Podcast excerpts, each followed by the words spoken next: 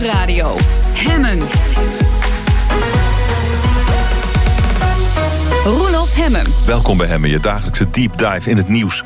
Je hoorde het zojuist al in het bulletin. Nederland stelt samen met Australië Rusland aansprakelijk voor het neerhalen van vlucht MH17. Bij mij is Anton Kotte. Hij is bestuurslid van de stichting Vliegramp MH17 en hij verloor zijn zoon, zijn schoondochter en zijn kleinzoon bij die ramp. Uh, dag meneer Kotte, fijn dat u er bent.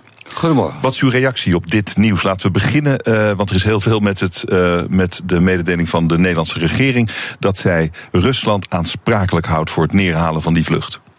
Nou, het nieuws uh, gaat nu wel heel snel, na ja. gisteren met name. En ik vind het eigenlijk wel een logisch gevolg op wat er gisteren gepresenteerd is. We hebben als stichting ook altijd bij de regering aangedrongen op wat is dat nou, die staatsaansprakelijkheid in dit geval. En het eerste materiële bewijslast is daar nu wel voor geleverd door de officier van de hoofdofficier van justitie, Fred Westerbeke. Dus dat, ik vind het wel een logische stap. Of mm -hmm. dat verder wat gaat uithalen, weet ik niet. Maar dat de regering uh, zo stevig zich opstelt, dat lijkt me uitstekend. Wat wel opvalt natuurlijk is, ik heb nog voor de uitzending gauw even op teletext gekeken en ik zag inderdaad Australië en uh, Nederland dat gezamenlijk doen. En toen dacht ik, zouden die andere leerlanden ook meedoen? Maar dat kreeg ik geen antwoord op op dat moment. Maar misschien komt dat nog.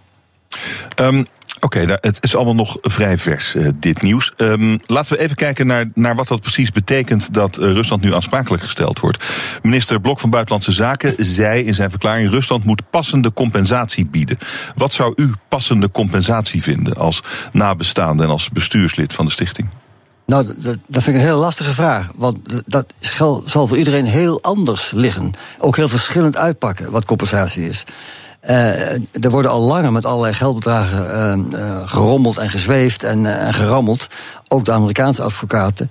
En iedereen heeft de huid al verkocht dat de beer geschoten is, bij wijze van spreken. Maar de, vraag is, u, u, bent nabestaande. Wat zou u een passende compensatie vinden? Misschien kunnen we naar, uw per, naar u nou, persoonlijk la, la, laat ik het dat zo zeggen. Ik zou het passend vinden als, als inderdaad uh, we zover komen dat de daders voor het gerecht komen, dat is één. Of ze veroordeeld worden, dat is vers twee. En dat er ook schuld erkend wordt op basis van bewijslast. Dat zou mij al heel veel genoegdoening geven. Vindt u belangrijker dan geldelijke ja, compensatie? Zeer zeker, ja. Uh, en toch gaat het ook over geld. Ja. Um, nou, als u, welke bandbreedte zou je dan aan moeten denken? Want er zal toch op enig moment een claim moeten worden neergelegd bij de Russen.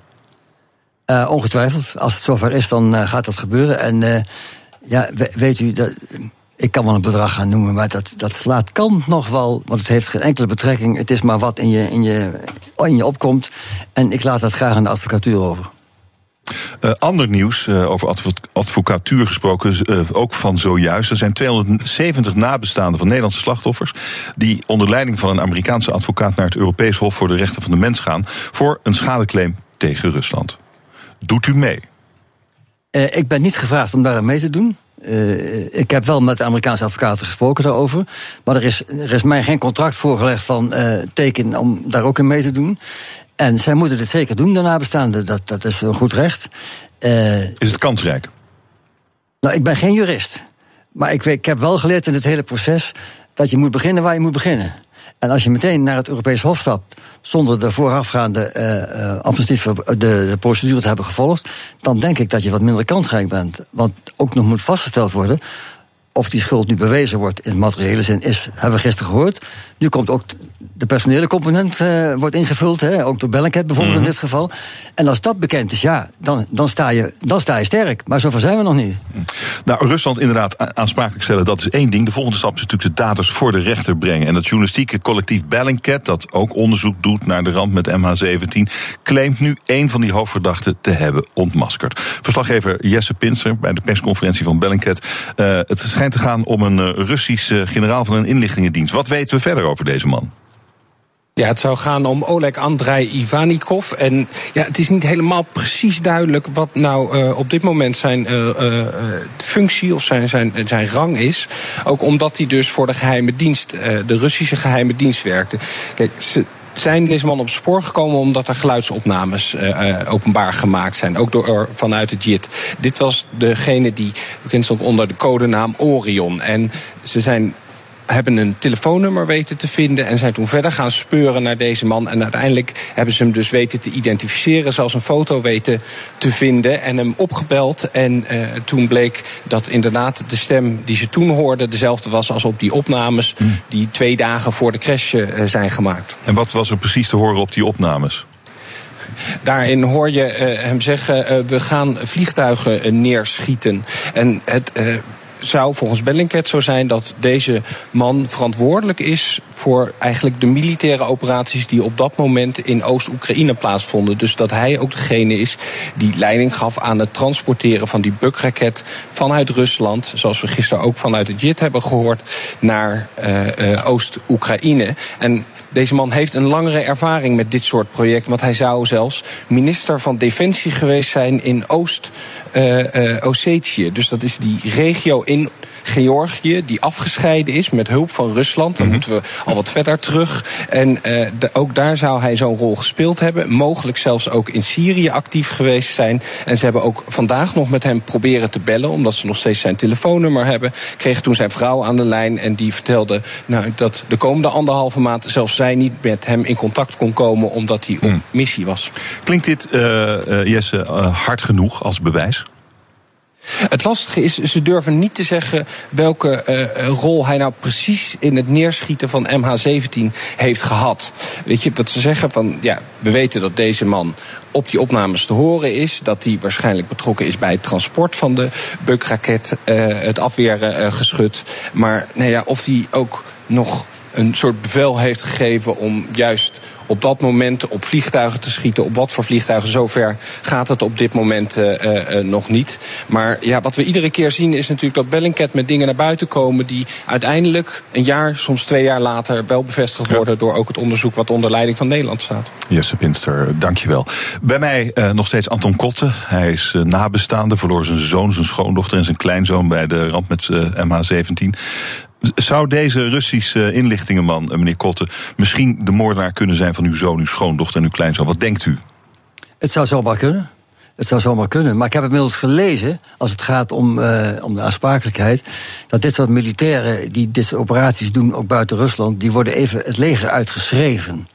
En er zijn dus op dat moment geen Russische staatsburger meer, maar opereren in een ander land en, en nemen dan uh, uh, geen deel meer aan uh, als, een, als een onderdeel van het Russische leger. Dus daar heb je alweer een beer op de weg, wat dan de bewijslast moeilijk zal maken wie je daarvoor moet, moet aanklagen. Nou, de, de, deze man. Ja, dat kan. Dat zou kunnen als ja. hij werkelijk de opdracht heeft gegeven. Dan is uh, een van de grote jongens nu uh, binnen bereik. Ja. Nou, we hebben eerder gezien dat uh, Gert-Jan Dennekamp van de NOS een documentaire maakte, ook in de uh, Oekraïne. En ook voor deuren heeft aangebeld waar mogelijke potentiële uh, betrokkenen zaten. En daar natuurlijk nul op de kreeg. Die was ook kennelijk al heel dicht bij bepaalde bronnen. helaas is dat stilgevallen. En ja, we moeten nu. Ik hoop dat het JIT deze persoon ook smiezen krijgt, om maar zo te zeggen. Uh, vandaar ook die oproep die dit gisteren gedaan heeft. En, en ik hoop dus dat nu weer zo'n naam genoemd is, dat dat toch ook andere betrokkenen of in de zijlijn opererende mensen ertoe beweegt. Ja, uh, moet je luisteren, uh, dat is wel waar. En ik kan je nog dit en dat vertellen, bij wijze van spreken. Want dat heeft je natuurlijk gisteren gevraagd. Het, uh, het is wel zo dat Rusland heeft in het verleden al elke betrokkenheid ontkend. minister Blok zei vanmorgen ook dat de buitenlandse minister Lavrov van Rusland ook weer gezegd heeft: we hebben er niets mee te maken. Die Russen blijven gewoon zeggen: het, we weten van niks. Hoe vindt u dat? Nu, zelfs nu nog? Blijven ze het zeggen. In, in mijn perceptie uh, is het altijd zo geweest dat wat er ook in de wereld gebeurt, of, of dat nou deze ramp is of andere dingen, Rusland is altijd maar op één ding uit om zand in de radeltjes te strooien. Om de aandacht af te leiden en, en de focus bij andere groepen landen neer te leggen. Dat is nu weer het geval. En uh, ook het feit dat er, dat, uh, dat er nu beweerd wordt dat ze dus nooit een raket de grens over hebben laten gaan, hè, dat wordt ontkend. Hard bewijs nu geleverd. Wat ik moet zeggen, dat bewijs is nu op een aantal factoren. Met de fingerprint is dat door het JIT aangetoond. En ik ben er bijna van overtuigd dat het JIT nog wel andere bewijslast ook achter de hand heeft om dat bewijs nog zwaarder te maken en kansrijker te maken voor een, voor een uh, procedure in dit geval. Ja, uh, en hoe ver moet je gaan? Ik denk, ik, er is maar één ding mogelijk als Nederland en andere landen zoveel mogelijk uh, met elkaar samengaan om, om richting Rusland te kunnen wijzen als bewijslast. Ja, dan heb je enige kans en dan val wellicht ook via de Verenigde Naties. Hoe houdt u zich als nabestaande en al die andere mensen zich staande? Uh, ook weer op een dag als vandaag, als er zoveel nieuws is, zoveel opwinding in de media is. Als er uh, nou ja, echt wel grote, grote stappen lijken te zijn. Ik merk aan u dat u heel voorzichtig bent met, uh, met de, de, dingen aannemen, voorzichtig bent in het krijgen van hoop. hoe gaat u hiermee om als, als mens, als nabestaande? Nou, we hebben natuurlijk vier jaar moeten wachten tot gisteren voordat er daadwerkelijk uh, iets zwart op wit naar buiten kwam, wat, wat uh, het karakter van bewijslast heeft. Sterker nog, het is bewijslast. En we weten inmiddels dat bij vergelijkbare processen soms tien jaar men bezig is geweest voordat het proces ten einde is. En dat is voor nabestaanden is natuurlijk een gruwel. Uh, er zijn ook een heleboel mensen die hier niets mee te maken willen hebben. En alleen maar met hun eigen gedachtegoed bezig zijn. Onder de redenering, we krijgen onze geliefden er niet mee terug. En uh, wat de hoge politieke heren uh, allemaal uitvogelen. Ja, we worden voor het lapje gehouden, we worden zoet gehouden. Dat zijn allemaal uitspraken die kom ik dan wel tegen bij de nabestaanden. Vindt u dat, vindt u dat ook? Ik, ik ben zelf wel een beetje dubbel daarin. Ik heb natuurlijk mijn eigen momenten van verdriet samen met mijn familie. En dat komt op de meest rare ogenblik komt dat voor. Maar in dit kader heb ik toch zoiets van als het. Ik wil er best een bijdrage aan leveren via de stichting. Dat het gerecht zijn loop moet kunnen krijgen, zover mogelijk. Dat zou ik toch op zijn minst graag willen realiseren. Dat we kunnen zeggen, het zijn die en die geweest, en die zijn de schuldigen. En of ze voor het gerecht komen, dat is vers 2.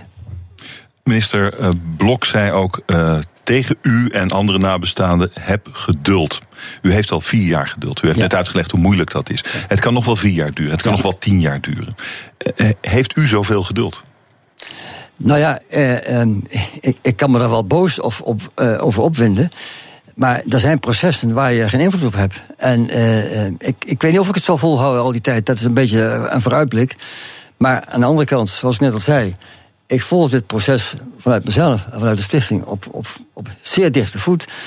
En het, zal niet aan mij liggen om daar niet steeds te proberen uh, nieuwe vragen over te stellen. Meehelpen aan de voortgang. Dat er uiteindelijk iets naar buiten komt waarvan we kunnen zeggen: dat zijn de schuldigen. Dank u wel voor dit gesprek. Anton Kotte, dank u zeer. Zometeen, de Waddeneilanden wilden eigenlijk al in 2020 volledig energie-neutraal zijn. Dat gaat niet lukken, maar het gaat al wel veel beter. Zometeen. BNR Nieuwsradio. Van goed naar beter. Er gaat veel goed in ons land, maar laten we vooral ambitieus blijven. Het kan altijd beter. Vandaag in Van Goed naar Beter de Waddeneilanden. Die hadden eigenlijk in 2020 volledig energie-neutraal willen zijn. Dat gaan ze niet halen, maar de wil om snel te verduurzamen is er nu wel. 15 groene start-ups waren daarom deze week te gast op de Waddeneilanden... in een eerste fossielvrije handelsmissie. Ik heb twee gasten bij mij in de studio. Anna van Nunes hier van duurzaamheidsorganisatie Lab Vlieland... de organisator van de handelsmissie. En Titus Braber, hij is van de start-up Kite Power... die met een kite, een enorme vlieger, windenergie omzet in elektriciteit. Mooi jullie er zijn. Welkom allebei. Dank je. Het was dus, uh, Titus, een fossielvrije handelsmissie. Ja. Dus uh, roeien. Nee, nee, gelukkig niet roeien. Die afstanden tussen die Waddeneilanden zijn iets te groot. Nee, watlopen had gekund, maar dat is ook nog een beetje groot. Nee, we zijn gaan zeilen. We zijn op twee boten gaan Aha. zeilen. Eén van oost naar het midden toe. En één van west ook weer naar het midden toe. Eén op een hele nieuwe boot, de Ecolution van uh, Wubbe Okkels. Okay. En één op een wat oudere boot, de vrouw Johanna. De vrouw Johanna. Zo, van de Bruine Vloot. Ja. Oh, nou leuk. Het, het klinkt uh, als een handelsmissie met ook een uh, lichte toeristisch tintje. Ja, nee, het was fantastisch. Ja. Het was fantastisch, ja. ja. Uh, Anna, het gek is wel, waar het om gaat, is de, de Waddeneilanden hebben in 2007 al gezegd dat ze in 2020 uh, energie-neutraal zouden zijn. En daarna hebben ze het eigenlijk gewoon laten zitten. Het gaat ook niet lukken. Uh, hoe komt dat? Want het was wel een mooi plan. Ja, en op tijd ook. Er is niet niks gebeurd. Dat kunnen we ook zeggen. Er zijn op Ameland mooie zonnevelden gerealiseerd. Op Vlieland ook bijna. Er zijn wat stappen gezet op Texel. Maar nee, de doelstellingen zijn bij lange na niet gehaald, inderdaad. Hoe komt dat? Nou, het, is, het zijn enorme ambities. Allereerst, energie onafhankelijk hebben ze destijds gezegd. Dat betekent dat je de kabel zou moeten doorknippen. Dan heb je dus niet alleen duurzame stroom als opwekker nodig, maar ook nog opslag. Dus dat is een hele puzzel. Uh, en wat, uh, wij komen natuurlijk veel op de Waddeneilanden en nu dus ook met start-ups. Er, de, er, zit weinig kennis op de eilanden natuurlijk. Um, er zit wel een middelbare school, maar vaak ja. moeten, de, moeten de studenten voor het hoger onderwijs ook gewoon weer naar de vaste wal. Weinig kennisinstellingen of, of, of bijna niet. Ja, dus alles moet van de wal komen. De gemeentes zijn klein, dus die hebben een klein team om te dragen. Dat is ook gewoon moeilijk. Nou, hoe was jullie handelsmissie? Jullie fossielvrije missie. te gek en heel bijzonder. Uh, we hadden 15 start-ups geselecteerd. Allemaal met een business case voor de eilanden. Dus uh, dat groen moet ook duurzaam kunnen gaan met, met een goede business case. Um, dus, dat, ja, dus die hadden we al geselecteerd als zijnde passend. En alle 15 hebben uh, gemiddeld zo'n vijf leads opgehaald om door te kunnen werken op de Waddeneilanden. Dus dat is een hele mooie, uh, mooie vondst. Nu zorgen dat dat ook opgepakt wordt. Dit is de, de, de kite. Uh, hoe, hoe werkt jouw vinding precies? Ik zei al, het is een vlieger ja. waarmee je wind omzet in elektriciteit. hoe werkt het? Nou, die vlieger die zit vast aan een kabel op een grondstation. En die kabel die wordt door de wind, door die vlieger, naar buiten getrokken. En die motor die in dat grondstation zit, die werkt eigenlijk net als een dynamo. Die wekt stroom op. En vervolgens, als die kabel op het einde is helemaal, dan klappen we de vlieger uit de wind, zodat we met weinig weerstand weer terug naar het begin kunnen inhalen. En dan begint het hele proces weer opnieuw. En zo pomp je windenergie uit de lucht. Is, eh, had Wubbe Okkels daar niet ooit ook iets mee, ja. uh, mee bedacht? Klopt, Wubbe Okkels is uh, inderdaad uh, Vandaar de boot ook. Ja, Vandaar de boot. En wij mochten ook op die boot zitten. Dus dat is een ontzettend mooie eer om daar zo te zijn. En voor hoeveel huishoudens kun je elektriciteit opwekken met één kite? Nou, we zijn nu aan het kijken naar een 100 kilowatt systeem. Dus dat is een vrij klein systeem in vergelijking met grote windmolens. Maar daar ga je mee zo'n 80 tot 100 huishoudens van stroom kunnen voorzien. Oké, dus voor Tesla hebben jullie dan hoeveel nodig? Uh, Tessel uit is, dat je, is dat je ambitie? Nee, als je, als je naar bijvoorbeeld um, Vlieland of uh, Schiermonnikoog kijkt... heb je 900 à 1000 huishoudens, of uh, mensen die er wonen. Dus een 300, 400 huishoudens. Dus dat is best wel te overzien. Toerisme ja. niet meegerekend ja. natuurlijk. Nee, maar dat moet je natuurlijk ook doen dan. Ja, ja, zeker, zeker. Maar als je kijkt naar het materiaal dat nodig is... voor bijvoorbeeld een grote windmolen... dan is kite power echt een ideale oplossing voor zo'n eiland. Want daar is veel minder materieel voor nodig... en amper horizonvervuiling. Ja. Dus nou, je zou er zo gewoon een paar neer kunnen zetten in plaats van één grote molen. Eh, ga je dat ook doen? Uh, vijf leads, hoeveel had jij er? Uh, ook zoiets, denk ik, ja. ja. Nee, zeker op de eilanden. We hebben natuurlijk de helft van de eilanden aangedaan als iedere start-up. De helft uh, Westen-eilanden en de helft Oosten-eilanden. Oh ja. En op Schiermonnikoog, Ameland ontzettend veel interesse. En op Terschelling ook uh, follow-ups. Dus daar gaan we zeker mee aan de slag. Ja, gaat het er komen?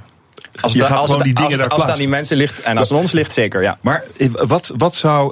kijk, ik, ik snap, het is een hartstikke mooi idee. dat, dat begrijp ik onmiddellijk. Maar Draait het al ergens? Ja, Wordt ja, het we vliegen nu wekelijks hier in de, uh, Leiden in de buurt. Ja? Um, dus nu is het echt alleen meer de plaatjes inkleuren. Welke plek gaan we hem neerzetten? Wie neemt de stroom af? Nog wat financiën en dan kan dat ding er gewoon zo staan. Is het goedkoper of duurder dan een windmolen? Op kleine schaal, op afstand, zeker goedkoper. Windmolen is gewoon als investering ontzettend duur, ontzettend hmm. veel materiaal. En daarmee ook ontzettend veel tijdens productie niet CO2-neutraal. is eigenlijk beter dan een windmolen. In deze zekere zin wel, ja. Zei de bedenker. Uh, is dit ook beter dan een windmolen? Is dit echt een alternatief voor die hele grote windmolens? Nou, dit, dit, is natuurlijk, dit zijn allemaal ontwikkelingen die, uh, die net voorbij de prototype fase zijn. Dus mm -hmm. het moet natuurlijk allemaal nog blijken.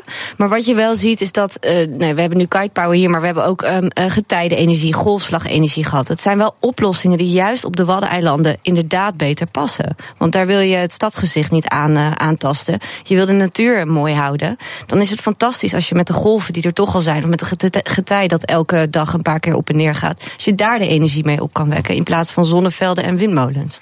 Uh, er is natuurlijk wel gewoon veel geld nodig om uh, het voor elkaar te krijgen. Om uh, energie-neutraal te zijn in 2020. Absoluut. Want dat is nog steeds ambitie. Nou, dat is. Nou ja, op de Schelling 30. fluisterde ze 30, 30, inderdaad. Laten we er 30 van maken. Dat, dat is nog steeds vrij dichtbij. Ja. Um, jullie pakken dit aan, jullie gaan hier volle kracht in. Gaat dat dan ook echt lukken? En hoeveel geld is daar dan voor nodig? Ja, dat geld dat zou ik niet helemaal, heb ik niet zo paraat hoe wat er voor nodig is. Maar het is een flinke investering. Maar let wel, dat is een windmolen ook. Dat is een zonnepark ook. Waar wij nu vooral om hebben gevraagd, ook bij minister Carola Schouten, die ons in, in ontvangst heeft genomen uh, aan het eind van de handelsmissie, um, is ruimte in tenders voor start-ups. Dus maak nou ruimte voor die experimentele technologieën. En zit niet alleen op een windmolen als een case. Want nu is hij heel vaak in een aanvraag of een aanbesteding. We willen een zonneweide of we willen een windmolen. Ja, mhm. Dan krijgt iemand als Kite Power, maar ook al die andere goede oplossingen gewoon de ruimte niet. En het kan wel en het, is, het kan ook uit. Het zijn natuurlijk twee dingen. Uh, dat de eilanden dan hun uh, voorziening voor energie hebben. Dat moet natuurlijk gewoon, dat moet het echt doen, anders hebben ze geen licht. Uh, en het is een mooie showcase, een prachtige proeftuin. Juist, dat hebben we ook inderdaad als advies meegegeven. Van ga hier nou mee aan de slag inderdaad. Ook om jezelf te profileren. En om andere banen te creëren dan alleen in toerisme. Want de jong, de jong, het jong talent trekt ook weg, omdat er niet, niet meer te doen is dan in een restaurant werken of een hotel openen. Maar wat nou als je daar zo meteen een aantal van dit soort projecten hebt? Dat creëert ook nieuwe werkgelegenheid en een diverse economie voor de eilanden. Dus wij geloven er wel Het is een schitterend plan. Ik zeg, zet hem op. Veel succes en hartelijk dank voor dit gesprek. Anne van Nuenen van duurzaamheidsorganisatie Lab Vlieland... en Titus Braber van de start-up Kite Power. Dank jullie wel. BNR Nieuwsradio. Hemmen. Nederland rijdt steeds vaker elektrisch. Het aantal volledig elektrische personenauto's nam in een jaar tijd met bijna 60% toe. Van 14.000 naar 22.000, blijkt uit cijfers van het CBS. Is goed voor het milieu, maar is ook goed voor de Nederlandse autoverkopers. Die zagen de verkoop van deze elektrische auto's het afgelopen jaar verdubbelen. Verslaggever Martijn de sprak met Mark Huisman van de gelijknamige autodealer in Alphen aan de Rijn. Ja, het vleugeldeurtje. Is toch een leuke gadget, toch? Ja, absoluut. Het is de gadget van uh, dit model. De Model X. Tweedehands. Dat is bijzonder, toch? Klopt. Ja, het, het aanbod uh, tweedehands is, is redelijk beperkt. Maar uh, goed zoeken, dat het loont. Is dat nou wat de markt een beetje tegenhoudt? Ja, dat is, het is inderdaad een probleem. Aan de andere kant is ook de markt uh, uh, natuurlijk nog niet zo heel groot. Dus, dus je merkt wel op het moment als er meer aanbod is... dan moet je nog maar afwachten of, of, je, of je de auto's ook snel verkoopt. Als we het over nieuwe Tesla's hebben... Ja, dit jaar is het natuurlijk heel erg interessant om zo'n auto nog aan te schaffen... in verband met, met de lage bijtelling die je uiteindelijk als koper betaalt, privé. je kunt nu toch tot de maximale aanschafwaarde kun je profiteren van 4% bijtelling. In januari 2019 is dat natuurlijk een ander verhaal, want dan moet je boven de 50.000 euro gewoon het reguliere 22% tarief toepassen. Dus er is nu een run op, dat klopt inderdaad. Ja, daar gaat net een dieselautootje vandoor. Ja, inderdaad. Uh, en als ik dat nou als particulier allemaal een beetje te, te eng vind dan uh, kan ik ook gewoon een Mercedes uh, elektrisch doen. Want die hebben jullie hier ook staan, die ziet er wat minder futuristisch uit. En uh, daar word ik wat minder bang van. Kan dat als particulier? Ja, dat begrijp ik. dat is feitelijk ook zo, want die auto die heeft ook een lagere aanschafwaarde. Als je natuurlijk over een Tesla hebt, dan praat je toch over snel 100.000 euro plus. Om het zo maar even uit te drukken. dit is een auto die voor 40, 45.000 euro eigenlijk al kan kopen. Nieuw. De absolute getallen zijn nog laag, maar 60% erbij in een jaar tijd, dat is ontzettend veel. Ja, dat is zeker veel. Voor ons als autobedrijf is dat ook een, een gevaar wat op de loer ligt. Want wij hebben natuurlijk buiten dat we auto's verkopen ook een reparatie- en onderhoudsafdeling. En het onderhoud van een elektrische auto, ja, dat is er bijna niet. Je praat eigenlijk alleen maar over, over slijtende delen zoals banden en remblokken die, die je af en toe periodiek moet, moet vervangen. Ja, en dat is voor, voor de autobedrijven natuurlijk wel een, een gevaar wat op de loer ligt. Want het, uh, ja, het aanbod in je werkplaats gaat afnemen. Ik vind jullie heel erg aardig, maar als particulier zeg ik... Uh, dat klinkt uh, als muziek in de oor.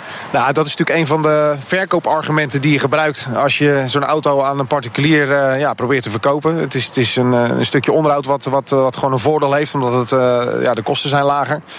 En dan praat ik nog niet over het, het, het verbruik... en, en wat, een, wat een kilowatt aan, aan elektra kost... ten opzichte van een liter benzine of diesel. Alleen die aanschaf.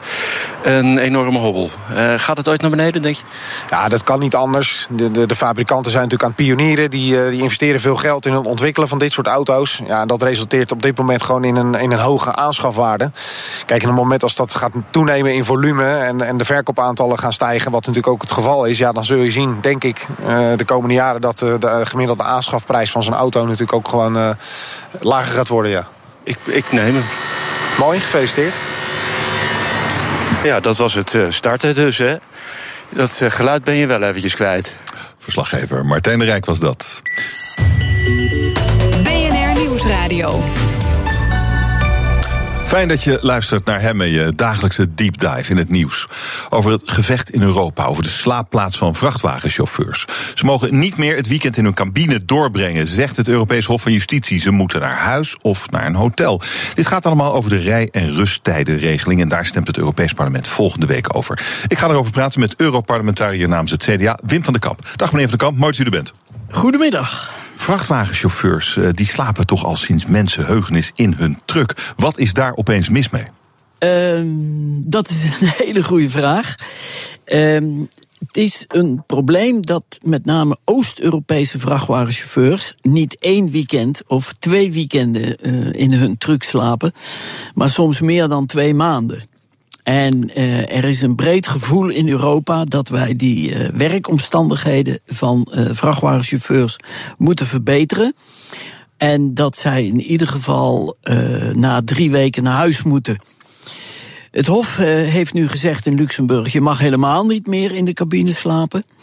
Nou, als we dat gaan uitvoeren, dan wordt het hele transportsysteem in Europa ontwricht. Hoezo? Waarom? Ja, omdat je als chauffeur uit Zuidoost-Bulgarije en je hebt net je lading afgeleverd in Groningen, dan is het maar de vraag of je uh, een vracht terug kan vinden. En de vraag is dan of je vervolgens op vrijdagmiddag vier uur weer in huis uh, kan zijn. Hm. Dat kan uh, meestal niet. Uh, dat is wel mogelijk natuurlijk als je tussen Düsseldorf en Arnhem rijdt. Maar we hebben transportondernemingen die rijden van Portugal naar Estland. En dat zijn enorme afstanden. En die, we willen ook voorkomen dat er lege vrachtwagens door Europa rijden. Dus we hebben weekendrust nodig. En de vraag is even, waar breng je die weekendrust dan door? Degene onder ons die wel eens langs de A12 rijden of langs de A20, met name richting Europoort, die zien dat in het weekend bij uh, verschillende benzinestations uh, 40 uh, trucks zonder trailer, die staan daar het hele weekend en er zijn geen sanitaire voorzieningen voor de chauffeurs. Dus dat is ook een reden voor het Hof om te zeggen: ja, maar weekendrust uh, langs de A12, uh, twee keer uh, 24 uur. Dat willen we niet. Dat is allemaal geen goed idee. Maar meneer Van der Kamp, ik heb u toch vorige maand in een heel vrolijk filmpje gezien. u heeft heerlijk geslapen in zo'n vrachtwagencabine. Ja. Ik heb nu geprobeerd om uh, de standpunten van Polen, Bulgarije, Roemenië en Nederland en het Europese Hof uh, om die standpunten te verenigen. En we hebben gezegd: oké, okay, je mag maximaal uh, twee uh, weekenden in een truc slapen. maar dat moet dan wel op een beveiligde en goed geoutilleerde parkeerplaats. Ah, die zijn er nu nog nou, niet. Die zijn. Pas, pas op, pas op. Ja, dat is het goede woord, ja. nauwelijks. Uh, maar als je bijvoorbeeld kijkt in de regio Rotterdam, uh, maar ook in Hazeldonk, daar zie je die dingen nu toch heel snel, en ik ben erg blij, op commerciële basis ontstaan. de chauffeur betaalt daar 14 euro per nacht. En dat schijnt dus uit te kunnen. Maar eer dat we al die chauffeurs uit Oost-Europa op nette parkeerplaatsen hebben, moet er inderdaad nog wel wat gebeuren.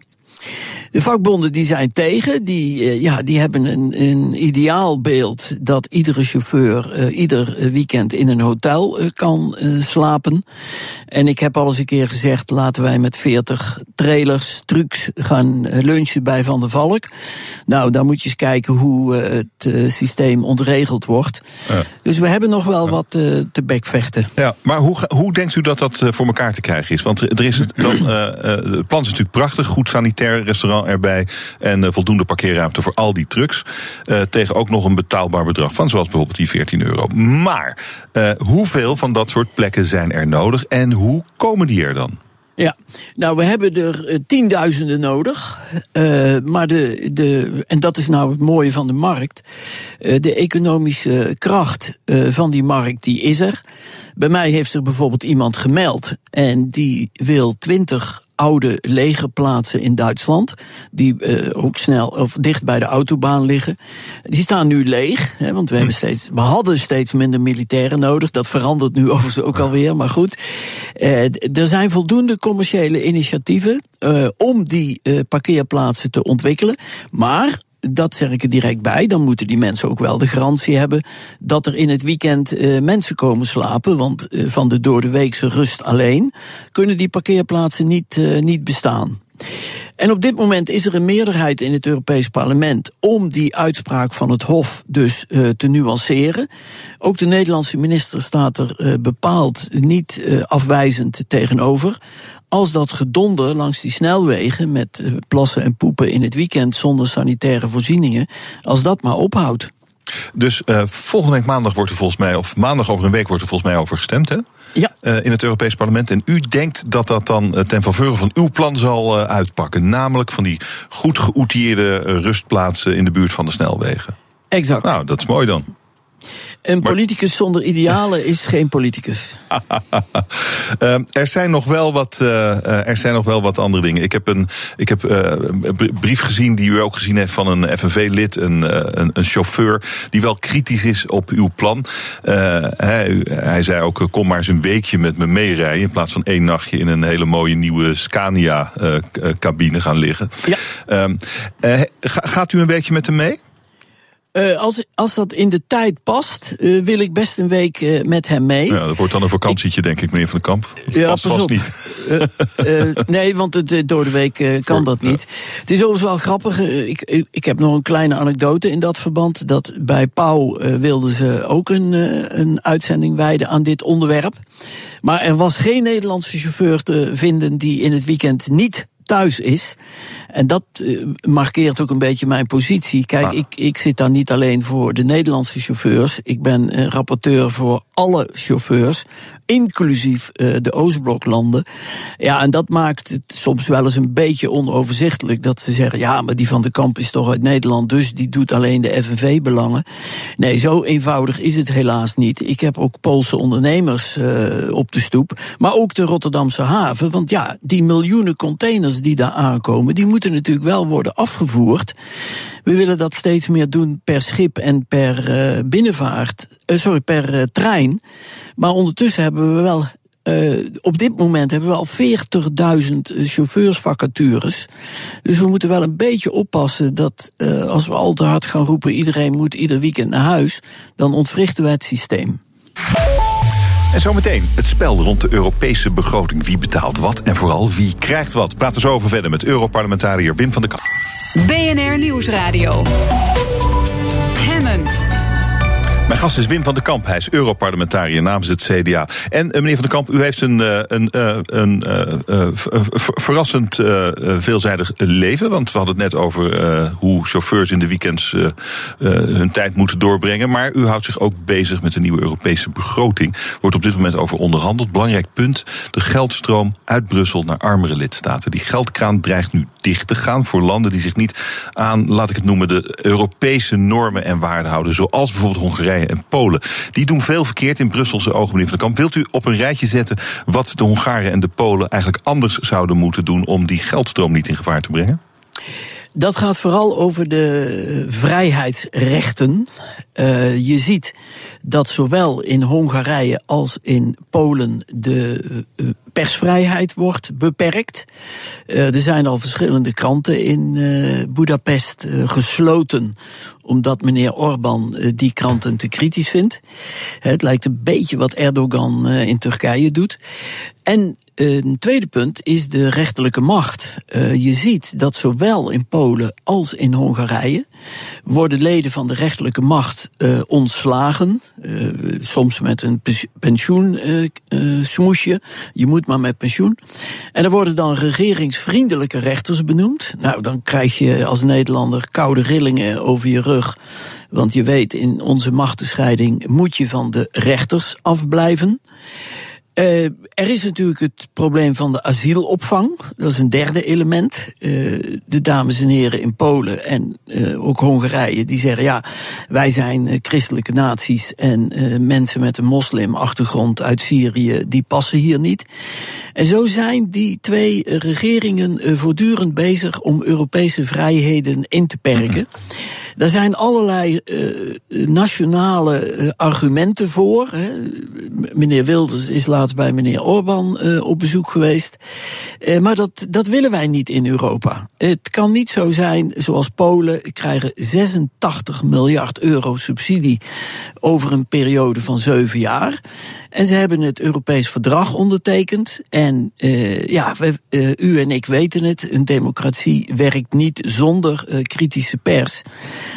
En ja, we hebben nu, en met name Frans Timmermans, die uh, heeft een behoorlijke kluif aan deze twee uh, gabbers. Uh, om de dames en heren ja. wel van subsidie te voorzien en tegelijkertijd vrijheidsrechten in te perken. Maar hij heeft, een, ja. hij heeft ook een grote stok om mee te slaan, want die 86 miljard voor Polen. ik dacht eigenlijk dat Polen eigenlijk economisch heel erg goed ging op dit moment. Ja. Ik geloof dat het meer dan 20 miljard voor Hongarije is. dat is best een dreigement om dat stop te zetten. Ja. Um, is dat dreigement ook waar te maken? Dat dreigement is waar te maken, maar het is voor de Europese Unie een totaal nieuw speelveld. Uh, we hebben dit project nu uh, sinds 1948, dus we zijn 70 jaar bezig, uh, hebben we dit project opgebouwd. daarbij hebben we bijvoorbeeld in het verdrag staan dat we het stemrecht van een land kunnen ontnemen in de Europese Raad van Ministers. Maar we hebben dat nooit gedaan. Met name iemand als Juncker, die praat toch alles weer aan elkaar en het is allemaal niet niet zo erg. En dan krijgt Orbán een kus op zijn voorhoofd. En dan gaan we weer verder. Uh, maar nu is de situatie ernstiger geworden. En uh, Frans Timmermans en daarmee de hele Europese Commissie. die hebben nu voor het eerst voorgesteld een koppeling aan te brengen tussen subsidievermindering en schending van de vrijheidsrechten. um, dit zal een enorm langdurig proces zijn, waarbij Orbán uh, eigenlijk al weet, haha, tegen die tijd dat jullie dat realiseren, ben ik toch al uh, met pensioen of niet herkozen. Maar de eerlijkheid gebied te zeggen dat het met name Frans Timmermans hier een, een belangrijke rol in speelt. Ah. En je kan zomaar niet alles over je kant laten gaan en ondertussen maar blijven uitbetalen. Maar, maar dat, waarom, waarom stoppen we dan niet met uitbetalen? Nou ja, dat, da daarvoor zijn die verdragen gewoon te netjes. Uh, we kunnen niet zomaar stoppen. Daarvoor hebben we procedures nodig. Uh, daarvoor moet ook het Europese parlement meekijken. Mijn GroenLinks-collega uit Nederland, Judith Sargentini, die schrijft nu een, een kritisch rapport over het gedrag van Hongarije en, en Orbán. Ja, we, wij zijn net zoals in Nederland in Brussel een rechtsstaat. En in een rechtsstaat kan je niet van de een op de andere dag beslissen: we, zetten de subsidies uh, stop. Bovendien, wat ik net zei, het is voor ons een nieuw speelveld om met dit soort sancties uh, te gaan werken. Maar als het bij de regeringen zo doorgaan, dan komt het er wel van. Uh, maar ja, dan is de vraag een beetje wanneer. de vraag is wanneer, maar er doet zich nog een ander element voor, als ik dat nog even mag aanstippen. En dat is de contractvrijheid uh, in uh, Polen en uh, Hongarije. Stel, je bent een Nederlandse ondernemer en je sluit een contract met iemand uit Budapest. Er ontstaan op een gegeven moment problemen over dat contract. En dan kan jij je melden bij een Orbán-vriendelijke rechter in Budapest. Nou, u voelt al aankomen, wij moeten contractbesprekingen die moeten wij onafhankelijk aan rechters kunnen voorleggen. Bij contracten worden natuurlijk fouten gemaakt. Er zijn ook contractpartijen die er een rotzooitje van maken.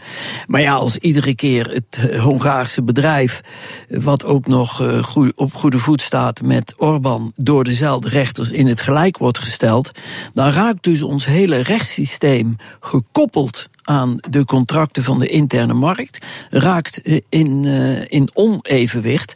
En dat moet voor de heren ook een, een ernstige les zijn.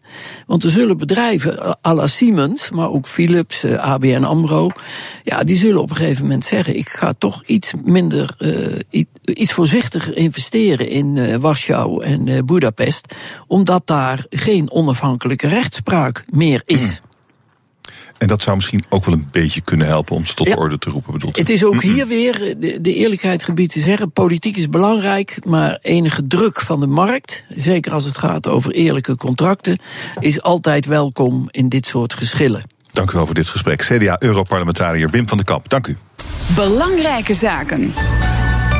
Ivo van Rechteren, Altena is hier. Welkom, mooi dat je er bent. Ja. Journalist, ondernemer. Je hebt een fijn parfum op de markt uh, gebracht. Ivra 1958. En nu kom je met een hele container uh, uh, ruitenwisselvloeistof. Ja, ja, met dezelfde geur. Ja, wel een wereldprimeurtje. dus ja, dat bestond nog niet. En, en nee, nu kan is ik het me voorstellen. Waarom zou je dit nou willen, Ivo? Nou, ja, heb jij je nooit gestoord als jij die chemische, ellendige, genieperig ruikende geur in je cabine krijgt als jij je vliegjes van eruit wil. Uh, dat heeft iets heel naars. Maar ik, krijg, ja. ik moet dan altijd even aan mijn neus mijn zitten. Mijn hond moet altijd verschrikkelijk niezen als ik dat doe. Ja, nou zie je. En, en met dit product zal uw hond nooit nee. meer niezen. uh, ik, mag, mag ik het ruiken? Ja, nee, je mag hem Wat? hebben natuurlijk. Je moet hem hebben. gebruiken. Ja, de, de, wow, de proef is in de pudding. Ja. ja kijk, je, ik, ik heb natuurlijk ik heb, ik, ik heb jouw geur. Ja. Die draag ja. ik nu. Oh, dus het zal nu het is speciaal voor jou. Dus het zal nu blijken of dit hetzelfde is. Hè? Even kijken. Hmm. Ja, daar zit wel iets. Het is wel iets anders, hè? Ja, ja, ik had is geen aanvankelijk. pure nee, het is Ivra. niet- nee, je moet hem, dat had ik aanvankelijk gedaan. Oh, maar het is wel. Het is. Eh, ja, het is begonnen uit nood. Dit is wel ja, nee, het is begonnen uit nood, moet ik bekennen. Want ik sta op internationale geurbeurzen. te midden van echt hele grote spelers met heel veel poen. En ik, ja, ik heb met een vriendenclubje mijn eh, geurdroom kunnen realiseren. En op zo'n beurs los ik op. Ik echt eh Mr. Maduro Dam met twee geurtjes. te midden van grote stands uit Dubai met kronen en goud en 30 geuren. Dus ja, ik moest mij letterlijk mijn schouders breder maken op die beurs. En ik kon niet zomaar andere flesjes daar neerzetten. En toen heeft een vriend van mij, de vormgever eh, van het product, eh, Dirk Hatting, die heeft gezegd: Nou, we moeten opvallen. En toen zijn we gekomen tot het, eh, ja, het maken van grote jerrycans. En toen nog een ander ontwerp met grote dode muggen. Dus al die mensen op die beurs die hadden van: Wat is dit? Ik, ja, is zwaar geparfumeerde ruitenwisservloeistof. Oh, oh. En niemand keek meer naar mijn geuren. Alleen maar van: Oh, how much is it? En het bestond helemaal niet. Dus dat was nog wel het pijnlijke. Wat leuk. Dus je verkoopt nu meer van dit dan van je oorspronkelijke Nou, geurtje. het gaat wel hard, ja. Ja, ja, echt ook waar? eh, dat was Wie in- koopt eh, dit? eh, nou ja, eh, eh, er staat op for spoiled drivers only. Het is een tikje duurder dan de reguliere ruitenwisselvloeistof. Wat kost dit? 40 euro. Of 40. En, en, eh, en het is, hoe, hoeveel is het? 2 liter? 2,5 liter. 2,5 liter. Eh, dat, daar betaal ik bij de Shell, denk ik, eh 7, 8. Oké. Maar er zit nog een nouveauté in. Het is de eerste echt ecologisch verantwoorde ruitenwisselvloeistof. Er, er pist 90 miljoen liter chemisch eh ruitenwisselvloeistof door ons asfalt. En dit is dus, eh, je zou theo- nou, je zou het niet kunnen drinken, maar het is veel eh, liever voor moeder aarde, dit product. Dus dat komt er nog wel even bij. Ook. En eh, het, het vult je cabine met een prettig geurtje. Dat is wel zo. Voor, is dit, ja, wie zijn jouw klanten? De spoiled Nou, driver, wie is ja, dat? dat zijn mensen die natuurlijk. eh, als je weet dat veel mensen eh, aanzienlijk meer geld uitgeven aan hun velgen. dan aan een nieuw pak ieder jaar. dan kan je wel een beetje voorstellen hoe eh, begaan mensen zijn met hun vierwielers. Dus in Dubai is 40 euro, is daar, ja, daar, wordt, daar wordt om gelachen. En, maar goed, ik geef toe dat het wel even. zeker als je er twee nodig hebt. eh, 80 euro in, over je voorruit Mhm. heen plast. Dat niet iedereen zal zeggen van. nou, dat is nou prioriteit nummer één. Ja, maar dit kan toch ook wel goedkoper, Ivo? Nou, nee hoor, dat is echt. eh, De, de marge valt ontzettend mee. Dat kan ik je.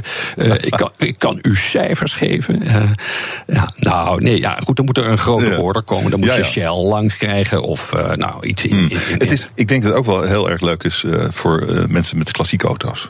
Ja, Zijn want hoe meer tocht en hoe meer ruis, zal ik maar zeggen, des te beter je het ruikt. In Ja, een splinternieuwe Tesla moet je echt eh, een zeer fijn gevoelig reukorgaan hebben. Is die er ook voor dames?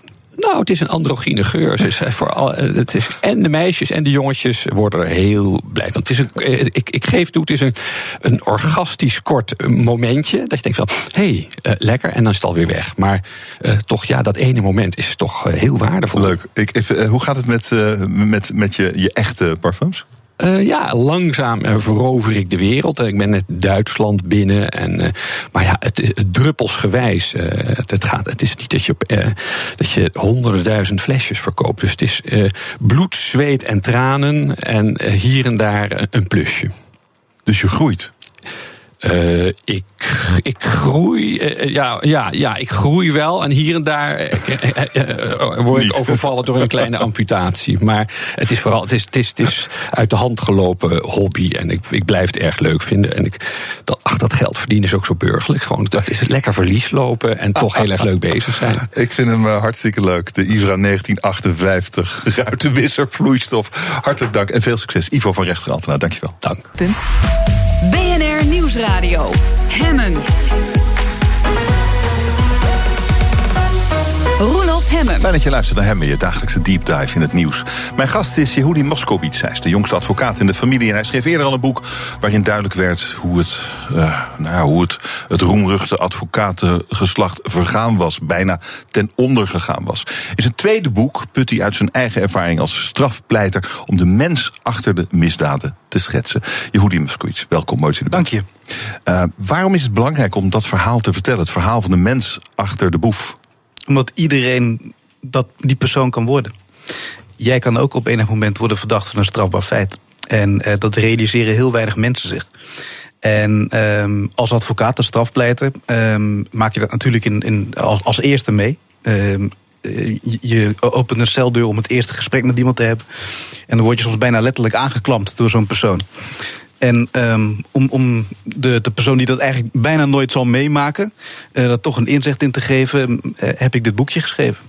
Eh, maar het kan ook wel zijn dat die mensen bij wie je binnenstapt, dat die het echt gedaan hebben. Ja, maar dat maakt niet dat ze vervolgens onmenselijk zijn en dat er geen oprechte emoties kunnen bestaan en dat ze niet hulp nodig hebben. Ehm, en de, de psychologie daarachter en wat je als advocaat meemaakt en, en waarom ik vind dat het belangrijk is dat mensen dat weten, dat heb ik beschreven. Ja, Eh, de, de, misschien ook een eh, verhaal uit het boek wat dat eh, eh, wel duidelijk maakt, is het bijvoorbeeld het verhaal. eh, het hoofdstuk heet Mon en het gaat over een, eh, ja, een, een mevrouw die, op, die aanwezig is bij een afschuwelijke moord op een café-eigenaar. Die wordt helemaal kapot geslagen met een hamer, 30 keer. Eh, beschrijft geuren en kleuren, staat het in het boek. Eh, maar zij wordt ook opgepakt. En op een gegeven moment kom je bij haar. En je ziet daar een hoopje ellende. Wat zag je op dat moment? Nou, kijk, eh, terecht zeg je dat die zaak echt een, een, een bijzonder gruwelijke was. Eh, en het bijzondere aan die zaak was ook weer dat het van eh, een minuut op minuut was vastgelegd. Er waren camerabeelden van. En dat is uiteindelijk de redding van mijn cliënt ook geweest in die zaak. Want dat vertel ik zo nog wel. Ehm, ja, je, je komt dan binnen. eh, en iemand wordt verdacht van een, een bijzonder gruwelijke moord op dat moment. Eh, en, en die is ehm, eh, voorbij wanhoop eigenlijk. Ehm, en dan het eerste wat je moet doen, is iemand vertrouwen geven. Eh, proberen tot rust te brengen. Eh, te zeggen, wij gaan met z'n tweeën, gaan we dit, dit klusje klaren. Ehm, ja, en, en als dan ook nog eens iemand bijzonder eh, getraumatiseerd is... van in dit geval was deze vrouw in plaats van mededader... gewoon getuige van een gruwelijke moord. Ehm, dan moet je daar ook natuurlijk eh, ja, eh, al je sociale vaardigheden in de strijd gooien. Om eh, naast de juridische dienstverlening, want advocaten kunnen nog wel eens een beetje autistisch zijn. denken van ja, ik doe alleen zeg maar, de juridische hulp en, en hebben soms wat weinig oog voor de persoon achter het verhaal. Ehm, ja, in, in, zo'n situatie moet je dan alle hands aan dek zetten, zeg maar. Maar hoe doe je dat dan? Want je, je ziet die vrouw, je, je ziet waar ze van verdacht wordt. betrokkenheid bij zoiets afschuwelijks, get verdemmen. Ehm, eh, maar je, je ziet eigenlijk, je, je hebt meteen door, die vrouw is onschuldig. Ja. Die is slachtoffer en geen dader. En, Maar ze wordt door, door justitie toch als dader neergezet. Er wordt een flinke straf tegen de geëist. Ja, sterker nog, de- deze vrouw heeft zichzelf gemeld bij de politie en zei van ik, ik, ik heb wat te vertellen. Ehm, en eh, ondanks dat het op beeld stond, ehm, dat zij eigenlijk gewoon niets vermoedend een, een, een drankje eh, aan het drinken was eh, overdag. Want eh, het verhaal daar is dat de eigenaar van eh, ehm, ja, animeerbaar Mon Chéri, zo heette dat, ehm, eh, samen met iemand die die kende daar een nieuw vloertje ging leggen. En zij was ja, als, als kennis daar gewoon aanwezig. En op die beelden was ook te zien dat ze gewoon een colaatje aan het drinken was. En ineens uit het niets begint de, de persoon die daar was om te helpen... Ja, de, de, de eigenaar met een hamer op zijn hoofd te slaan. En die hield ook gewoon niet meer op. Ehm, maar op die beelden is vervolgens ook te zien dat eh, de persoon met de hamer eh, mijn cliënten eh, ja, begint te bedreigen. Hij wijst met die hamer naar haar en eh, wijst naar de deur. En er zat geen geluid bij, maar duidelijk was dat ze de deur op slot moest doen. Vervolgens wijst, wijst ze naar de kassa. Ze moest de kassa openmaken. En, en daarom zei justitie, nou ja, ze, ze heeft wel een diefstal gepleegd. En volgens ons was zij op de hoogte van een plan. Ehm, Maar als je dat zo vertelt, Ja. hoe komt een officier van justitie erbij om op basis van die gegevens, die de officier heeft dat ook allemaal gezien, hoe komt hij er dan bij om zo'n vrouw als dader, als medeverdachte te bestempelen? Door de verklaringen van eh, de hoofdverdachte in deze zaak. Die zei eh, dat het haar Oh. plan was. Eh, en dat zie je wel vaker gebeuren. Dat Ja, ja. iemand die in een uitzichtloze strafzaak zit... zijn eigen rol probeert kleiner te maken. En soms met succes. Maar zoals gezegd, die camerabeelden in dit geval... Ja, die hebben eh, eigenlijk het leven van mijn cliënten al gered. Want als die er niet waren geweest, ehm, ja, dan, dan heb je dus een medeverdachte eh, die zichzelf belast. Hè? Ehm, door te zeggen, ik heb het gedaan, maar zij eh, had het plan. Ehm, en vervolgens een, een, een lijk in, in, een, in een kroeg. Ja. Nou, 1 en 1 is 2 en, en daar ga je. Nou, ehm, ik heb dus, uh, met enige tegenzin kan ik wel zeggen, die camerabeelden van minuut op minuut te bekijken en weer opnieuw en, en weer terug gaan kijken wat er nou gebeurd was. En ik heb dus met, uh, met succes bij de rechter kunnen bepleiten. Zij was niet op de hoogte hiervan. Hmm. Het was niet haar plan. En toen is er nog een psychiater op de zitting erbij geroepen. En die bevestigde eigenlijk mijn verhaal. zei van kijk, haar reactie is klassiek voor iemand die op dat moment getraumatiseerd wordt. Ja. Hoe gaat het nu met haar dan? Want zij heeft geen straf gekregen, toch? Nou ja, ze, ze, heeft wel een opname in een uh, in inrichting gekregen, omdat de psychische problematiek erbij aan de orde mm. was. Die vrouw die had een leven lang van uh, ellende gehad, eigenlijk, zoals ook op jonge leeftijd verkracht en dergelijke. En dat is een jaartje aan de orde geweest. En ze komt er nu weer uit. eigenlijk, nee, ze is er al uit. En het gaat nu goed met haar. En waarom vind je, waarom vind je dat eigenlijk zo belangrijk? Je, je had het net over de advocaten kunnen behoorlijk autistisch zijn. Die doen de juridische dienstverlening, that's mm. it. Wat maakt jou dan anders? Um, nou, ik weet niet of ik de enige daarin ben. Um, Um, er zijn zat goede advocaten die ook oog hebben voor de persoon achter de, de verdachte. Maar ik wilde um, de lezer, als ze daar interesse in hebben, he, die mogelijkheid bieden om te kijken hoe gaat dat nou? Wat gebeurt er nou? Want je ziet normaal gesproken alleen de krantenkoppen. Uh, moordverdachte aangehouden. En uh, het volgende bericht is dat er uh, tien jaar plus TBS wordt geëist. Mm. Um, maar wat men dus echt niet weet is wat het hele traject is van de aanhouding tot aan zo'n vonnis. Uh, en dat zie je normaal gesproken echt alleen als advocaat. Want een officier die, die ziet ook niet wat er gebeurt als iemand voor het eerst een advocaat spreekt.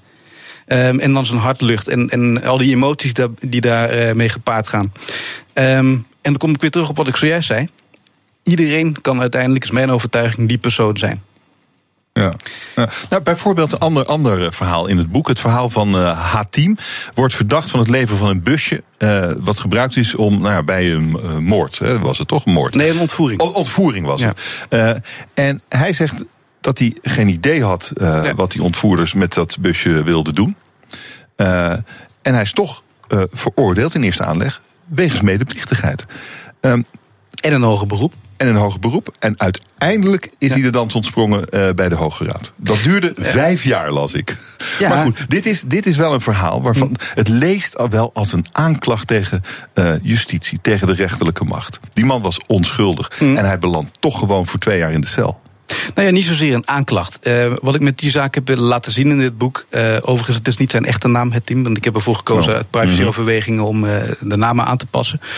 Um, maar tegen, nee, niet ergens tegen, maar om duidelijk te maken aan het publiek: het kan echt fout gaan. Je kan als onschuldige, mm -hmm. door een, een ongelukkige uitspraak tijdens een verhoor, door de rechtbank, door het Hof, worden veroordeeld voor een ontvoering. Dat is een heel heftig strafbaar feit. En vervolgens de Hoge Raad die dan zegt, nou, volgens mij moeten we dit opnieuw doen. De zaak terugstuurt en voor de tweede keer bij het Hof pas worden vrijgesproken.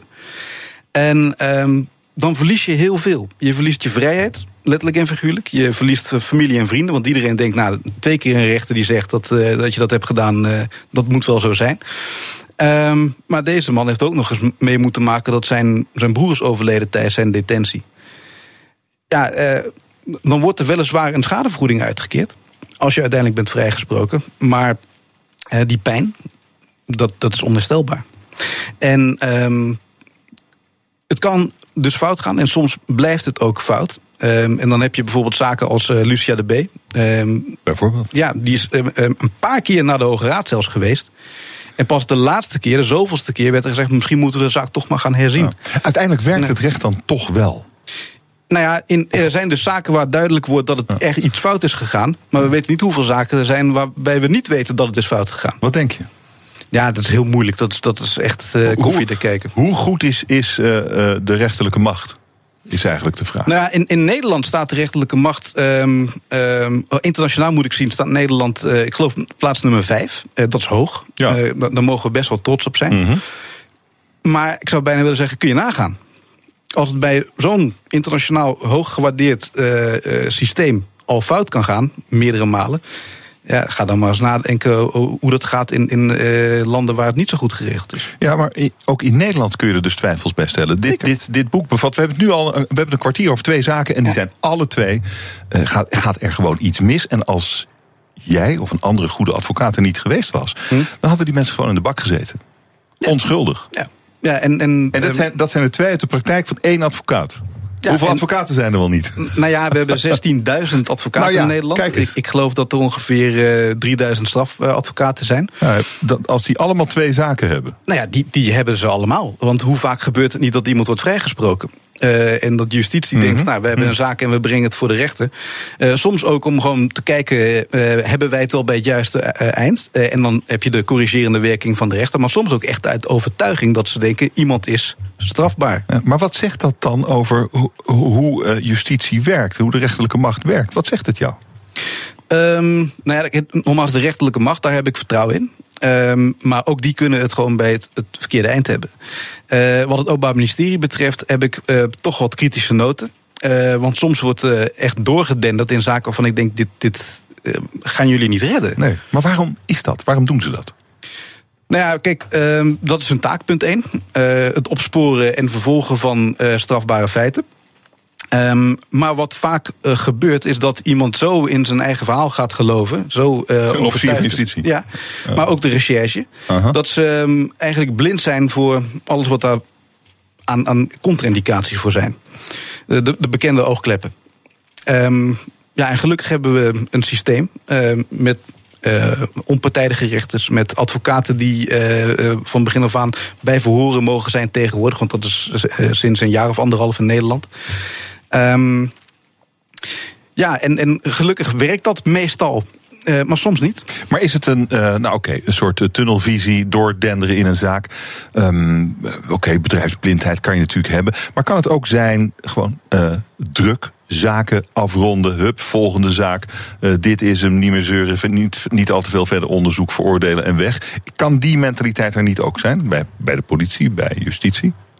Dat, dat kan. Eh, Maar zie je dat dan? Ehm, nou ja, het werkt ook niet zozeer, maar wel dat mensen. ja, gewoon eh, eh, niet willen wijken van hun standpunt. En daar soms ook gekke dingen bij doen. Neem bijvoorbeeld eh, enerzijds de zaak Holleder en anderzijds de zaak van Klaas Otto. Waarbij eh, wordt gezegd. Eh, dat er een moordaanslag is beraamd op de zusters. Terwijl vervolgens even later blijkt dat dat volstrekt gedroomd was door die persoon. Ehm, ja, die had dat eh, verhaal weliswaar verteld. Maar ehm, dat bleek een, een verhaal te zijn om uit de gevangenis te komen en aan anderen te gaan. Mijn gast is Yehudi Moskowitz en hij vraagt zich dus af of Willem Holleder wel een eerlijk proces krijgt. We praten zo verder. BNR Nieuwsradio. Mijn gast is advocaat Yehudi Moskowitz. Hij heeft een boek geschreven. Het heet Moord en andere moord en doodslag en andere zaken. We hadden het er net over. Het beschrijft eigenlijk de mens achter de persoon die in de cel zit op verdenking van iets ergs. Ehm, ik, ik, ik merk in het boek, uh, Yehudi, heel veel uh, compassie voor die mens, ongeacht wat hij nou gedaan heeft of waar hij van verdacht wordt. Compassie voor een mens. Dat is ook de reden dat je dit boek hebt geschreven, heb je verteld. Maar als je nou tegen, echt tegenover een ellendeling staat. En je weet dat hij het gedaan heeft. En je weet dat het een ploert is. Ja. is wordt het dan niet een beetje lastig? Um, nou, van mij wordt verwacht dat ik, als ik al zulke gedachten heb, uh, dat ik daar meer naar kijk.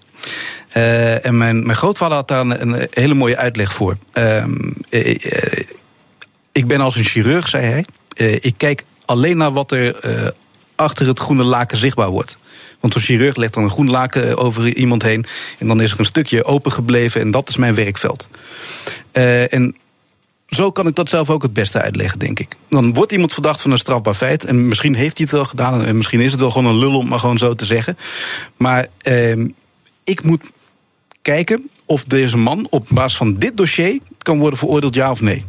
Hmm. En dat is mijn taak. En dat is wat ik dan ook ja, uh, volle, voor de volle 100% blijf doen. Ja, maar ik vraag het omdat, kijk, aan de ene kant de, compassie die uit de verhalen spreekt, die je in het boek beschrijft, mm. hoe je er hierover praat. Compassie mm. voor mensen. Ja. Uh, en opeens kan je dat allemaal afsluiten als het Mm. een klootzak is. Nou, wie Wat? zegt dat ik dat afsluit? Uh, kijk, nou ja, ik dacht die, dat je dat probeerde te vertellen met die. Nou met, ja, de... ja, kijk, die emoties zijn er. Maar je, je moet ze. Uh, ja, misschien is afsluiten wel het juiste woord. Ja. Uh, je moet ze terzijde schuiven. Uh, en je moet ervoor zorgen dat iedereen voor de volle 100% jouw verdediging krijgt. En als je denkt, ik kan dat niet, dan moet je een zaak neerleggen. Um, en dat, dat gebeurt natuurlijk ook wel eens. Dat een advocaat denkt, ja, sorry, maar dit wil ik gewoon niet doen. Mm -mm. En uh, ik zelf heb dat bij uh, zedenzaken waar jonge kinderen bij betrokken zijn. Uh, ik, ik, wil die dossiers niet eens lezen, want dat blijft gewoon in je geheugen hangen. Dan doe je die zaken ook niet. Nee. Um, maar ja, dat klinkt misschien gaar, raar. Ja. En een gruwelijke moordzaak, ja, nee, daar, daar draai ik mijn hand niet voor om, om maar zo te zeggen. Um, simpelweg omdat ik uh, me kan voorstellen dat ik ooit zelf in zo'n situatie zou kunnen komen als de, de, de factoren de juiste zijn. Net zou je iemand kunnen doden? Ik denk dat iedereen dat kan. Mm. Um, uh, als de kaarten op de juiste manier geschud zijn. Uh, kan dat bij jou ook het geval zijn. Het, het beste voorbeeld is de, de klassieke crime passionnel. Je, je treft je vrouw aan in bed met je beste vriend. Wat doe je dan? Denk je dan dat je koelbloedig bent, of cool bent bedoel ik, en uh, uh, tot tien telt en zegt, nou, hè, flauw. Wil je een biertje? Ja, precies. Ja. Ik denk dat uh, 80% van de mensen de vaas pakt op het nachtkastje en er een flinke Nou, gooi ja. mee geeft. Oké, goed. Um, uh, ik wil ook nog praten over Willem Holleder. Ja. Dat is een man die van uh, afschuwelijke misdrijven wordt uh, verdacht. Is ook veroordeeld voor afschuwelijke misdrijven, maar hij staat Mhm. nu weer terecht. Uh, het dossier Viool schijnt, schijnen we nu aan toe te zijn in dit proces. Uh, het onderzoek naar de moord op zijn zwager, Cor van Hout, en uh, Robert ten Haak, een botenhandelaar die ook vermoord is. En de grote vraag is nu: zit daar Willem Holleder achter? Dat is, dat is, dat is de zaak. Jij twijfelt of Willem Holleder wel een eerlijk proces krijgt. Je schreef er een stuk over in het AD. Uh, wat zijn je twijfels? Nou ja, eh, je, zou het zo kunnen uitleggen dat ik daar mijn twijfels bij heb. Maar eh, laat ik het zo zeggen. Eh, die zaak is om verschillende uh, redenen nogal uniek. Enerzijds het aantal moorden waarvan iemand wordt verdacht. Ehm, vijf eh, en nog een poging, geloof ik. Ehm, in één zaak, dat is echt veel. En daarnaast uh, de ongekende media-aandacht die deze zaak krijgt. Um, het beste voorbeeld is als je de, voor de deur gaat staan bij de, de, de, bunker op een willekeurige dag dat die zaak daar dient. Dan staat er een rij, s ochtends vroeg om, om zes uur s ochtends al, uh, met dagjes mensen. Kun je nagaan. In plaats van dat mensen naar de Efteling gaan, gaan ze een dagje holleden doen. Uh, en dat komt omdat er uh, boeken over zijn geschreven door de getuigen in deze Hmm. zaak. Twee Zus, zelfs. ja. Ja. En ook nog eens een bijzonder aspect: het is zijn zus die uh, nogal heftig over hem verklaart. Die ook advocaat is. Die ook nog advocaat is, dus die uh, precies op de hoogte is van hoe de, de, de, hazen lopen, zeg maar, in het recht. Had zij niet mogen doen, vind je? Um, nou ja, um, ik heb dat boek gelezen. Ik heb het tweede boek gelezen. Ik heb uh, de op, op internet circulerende verklaringen die zij heeft afgelegd bij de politie in het geheim kunnen lezen. Uh, en daaruit blijkt dat zij, um, ook al is ze dan niet aangesteld als een advocaat, maar wel echt juridisch advies heeft gegeven. En soms ook voor me heeft opgetreden als er een inval was en dat soort dingen. En vanaf het moment dat kan worden gezegd, op basis van het advocatengedragsrecht, er is een advocaat-cliëntrelatie, dan uh, mag je daar eigenlijk niks over zeggen. Helemaal niets. Dat is het beroepsgeheim. En schending van een beroepsgeheim is zelfs een strafbaar feit. En als je dan desondanks, uh, met al die kennis die je draagt, terwijl je weet dat dat vertrouwelijke informatie is, ook al is het je broer, uh, bij de politie uit de school klapt. En zelfs inzet op levenslang, want dat zegt ze, ja, ik denk elke vijf pagina's zo'n beetje in dat boek. Ja, dan, dan uh, denk ik dat er iets niet goed gaat. En uh, hoe zou dat dan gecorrigeerd moeten worden? Zou zij dan uh, vervolgd moeten worden? Zou zij uit haar beroep gezet moeten worden? Wat, wat, wat zou hier het gevolg van moeten zijn? Nou, ik, ik heb daarover nagedacht op het moment dat ik dat opiniestuk schreef. Um, kijk, het moet in ieder geval onderzocht worden, vind ik. Kijk, voor hetzelfde geld heb ik het bij het verkeerde eind. Dat kan. He, ik, bedoel, ik, ik, ken dat hele grote dossier verder niet. Ik moet het alleen doen met wat er in dat boek staat en in die op internet circulerende hmm. verklaring. Dat is dus een, een kanttekening die ik erbij moet maken. Maar stel nou, de, de tuchtrechter die is uh, van oordeel. Ja, inderdaad, hier was een advocaat-cliëntenrelatie. En er is sprake van een beroepsgeheim dat geschonden is. Um, dan is daarmee inderdaad een strafbaar feit gepleegd. Nou, dan, dan zijn die verklaringen die nu worden gebruikt tot stand gekomen door het plegen van een strafbaar feit. Mag je die dan nog gebruiken als bewijs? Ja, ik, ik zou denken van wel. Waarom? Uh, omdat het uh, feit dat hoe ze verkregen zijn, is toch niet zo heel relevant in dit geval? Ja, natuurlijk wel. Um, rechtmatigheid van bewijs, dat is een speerpunt in ons recht. En anders hmm. dan, dan kan een, een, politieagent een willekeurig huis binnenlopen en zeggen: Nou, volgens mij is hier een strafbaar oh, maar, feit gepleegd. Maar, maar, ja, maar, maar nu heeft zij het strafbaar feit, feit gepleegd. Ja. Niet politie, niet justitie. In samenwerking met politie en justitie. Ja, ja. Want, daar, daar zit het, in die samenwerking ja, zit het. Ja. Oké. Ja, um, want politie en justitie wisten dat zij advocaat was. Ze wisten dat er vertrouwelijke gesprekken waren. Uh, ze hebben haar gefaciliteerd. Uh, sterker nog, ze hebben er meermaals uitgenodigd om nieuwe gesprekken uh, mm -hmm. op te nemen en, en tot stand te laten brengen. En um, kijk, het, het, is een, een gedachtenspel wat, ik, wat ik doe. Um, maar uh, wel een educated gedachtenspel, ja, zeg maar. Uh, ja, uh, dat zou dus wel kunnen betekenen ja. dat die hele zaak onderuit gaat. Nou ja, kijk. Um, dit is volledig aan de verdediging die dit uh, voert. Ik, nogmaals, ik heb dat hele grote dossier niet gelezen. Voor hetzelfde geld zit ik op een heel verkeerd gedachtespoor. Um, maar op het moment dat zij denken van nou, daar heeft die Moskou een punt. dan zouden ze daar een verweer op kunnen baseren. Ja. ja, maar dat gaan ze dan toch een keer doen? Nou ja, dat gaat nog wel even een hele tijd duren. Want ja? we, ik geloof dat we nu op uh, dag uh, 11 zitten van uh, 68, die gepland zijn. Uh, dus we zijn nog wel een jaar of wat bezig. Maar oké, okay, maar op welk moment zou je als advocaat dan dit punt in moeten brengen? Bij pleidooi natuurlijk. Dus uh, dat ja. kan pas aan het eind? Helemaal aan het eind. Je, ja. Dus je kan niet van tevoren aangifte doen tegen een getuige of zo? Dat, dat nou ja, dat zou wel kunnen. Ja, zeker. Dat kan dat. Uh, bijvoorbeeld, ze zouden kunnen klagen bij een tuchtrechter. Uh, en dan wordt dat onderzoek dus ingezet. Uh, maar dat moet een belanghebbende doen, dus dat zou uh, Holleder zelf moeten zijn. Um, en dan kan er vervolgens aangifte van worden gedaan. Want, want schending van een beroepsgeheim is een zogenaamd klachtdelict. Dat kan niet op eigen initiatief van het OM worden uitgezocht. Dan moet iemand dus hmm. een bezwaar van maken, of tegen maken bij justitie. Um, dus als ze dat doen, dan is het, zit daar wel een soort van initiatiefplicht bij. Oké, okay, nou ja, over een paar jaar zullen we, we weten zullen of weten. je gelijk ja, ja, hebt. Ja, en uh, waar gaat je volgende boek over? Nou ja, wie weet komt er geen. Maar uh, als ik in de aankomende paar jaar nog mooie verhalen weet te verzamelen, dan misschien deel 2. Nou, ik ben uh, zeer benieuwd. Het boek heet Moord en Doodslag en andere zaken. Is geschreven door Yehudi Moskowitz, strafrechtadvocaat. Dank voor dit gesprek. Dank voor de aandacht. Punten. BNR Nieuwsradio. Hemmen. Hemmen. Nederland stelt samen met Australië Rusland aansprakelijk voor het neerhalen van vlucht MH17. Bespreek het in. De kantine. Met vandaag Juri Albrecht. Hij is journalist en algemeen directeur van debatcentrum De Bali. En George van Hout is hier. Hij is acteur, schrijver van De Verleiders. Welkom heren, mooi dat jullie er zijn. Dankjewel. Dank, goedemiddag.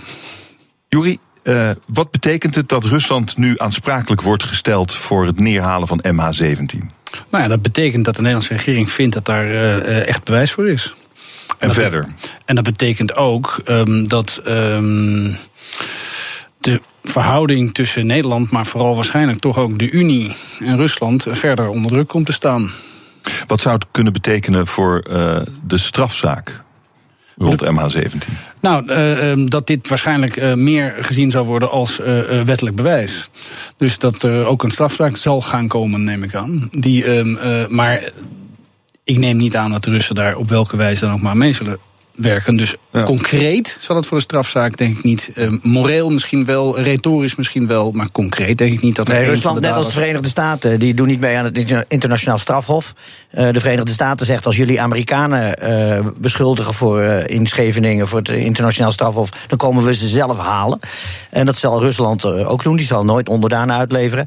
Maar wat ik een vreemde rol vind hier is van dat amateuronderzoeksplatform Bellingcat. Ik heb net ademloos naar hun persconferentie zitten kijken. En ik ben hoogst verbaasd over. Uh, ik doe zelf ook veel onderzoek, uh, vooral ook op internet, naar allerlei uh, gebeurtenissen in het jongste verleden. Vooral ook naar 9-11. En dan ben ik een complotdenker. En Bellingcat, dat, dat is ook een, een plukje van twintig amateurs. Die worden overigens gefinancierd door Google en door George, George Soros.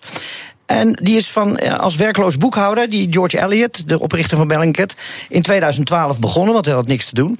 En die is geen complotdenker genaamd. Nee, hij wordt nu opeens uh, serieus genomen. Omdat hij gelijk had, uh, hij, wat er gisteren door het JT bekend werd gemaakt, dat had Bellingcat vorig jaar ook al verteld, namelijk dat die boek uh, uit Rusland kwam. Ja, maar de Bellingcat heeft ook, en dus dat is een beetje ondergesneeuwd, heel veel vergissingen begaan in hun onderzoek. Ja, ja. En die zijn een beetje. Uh, Corrigeren ze zelf ook regelmatig. Dus ze zeggen zelf: wij zijn een onderzoeksteam dat aan alle kanten probeert te onderzoeken. En dat kan je ook complotdenken noemen of niet. Het maakt niet uit welk etiketje erop plakt. Want zij, zij knopen, dat zeggen ze ook zelf. Wij zoeken duizenden uh, spelden in duizenden hooibergen en knopen dat aan elkaar. En als je ziet, ze zijn een paar keer in de Bali geweest. Um, er zitten ook een aantal Nederlandse onderzoekers bij. En die zijn inderdaad meticuleus, zoals dat heet bezig om dan allerlei fotootjes uit internet aan elkaar te plakken. Om bijvoorbeeld te lokaliseren welke plek dat is, Mhm. welke straathoek, welke lantaarnpaal daar staat. En daar zijn ze tamelijk goed en knap in. En daar vergissen ze zich ook wel eens in. Dan corrigeren ze dat ook zoveel mogelijk. En overigens. ehm, eh, ze doen het naar alle kanten. Hè. Dat is heel opvallend. Bijvoorbeeld in, de Syrië, in Syrië onderzoeken ze erg veel. En soms geven ze Assad gelijk. En soms geven ze de opponenten van Assad gelijk. Ze proberen bijvoorbeeld met bomaanslagen te achterhalen... waar het autootje een paar dagen daarvoor was. Waar er werd ingeladen. Of je het op satellietbeelden kan zien. Het autootje wat de aanslag pleegde en zo. En één keer hebben ze daar een hele grote aanslag... waar Assad voor verantwoordelijk gehouden werd. Hè, uit Assad zijn eh, gezegd... nee, dat waren opponenten van Assad. Aan de andere kant hebben ze dat weer aan de andere kant gedaan. Eh, ik zou ze nou niet willen omschrijven als bevooroordeeld. En inderdaad, met die Nee, boek zeker hebben, niet. ze- Nee, hebben, ze dat zeker al heel lang, hebben ze dat al heel lang eh, gezegd dat dit Nee, zo was. niet, En dat wordt nu past, bevestigd. Het past in een bepaalde agenda dat zij met hun verhalen eh, heel erg serieus worden genomen. En andere mensen die niet in de agenda passen. Ze werden aanvankelijk helemaal niet serieus genomen. Wij nodigden ze uit in de balie en toen vond iedereen dat werkelijk idioot, want het waren amateurs enzovoort. Een hoop commentaar op gehad. En ze werden totaal niet serieus genomen. Maar goed, als er een officieel onderzoeksteam is wat door regeringen gesteund wordt, wat een heel groot budget heeft, wat tot dezelfde conclusies komt als een setje amateurs, zoals je terecht zegt. Hè? Dat zeggen ze zelf ook hoor. En bij elkaar al jaren geleden tot die conclusie kwam, dan moet je toch zeggen petje af. En in dit geval worden hun, wordt hun het feit dat zij amateurs zijn, zij hoeven als overheid, als het een overheidsinstantie is, dan moet die zich aan allerlei wetten en regelgeving omtrent opsporingen houden. Zij doen niks ontwikkelijks hoor. Ze, ze Nee, nee, kijken nee, gewoon nee, nee. internet. nee, nee, nee, maar zij mogen veel meer eh freewheelen in hun onderzoek.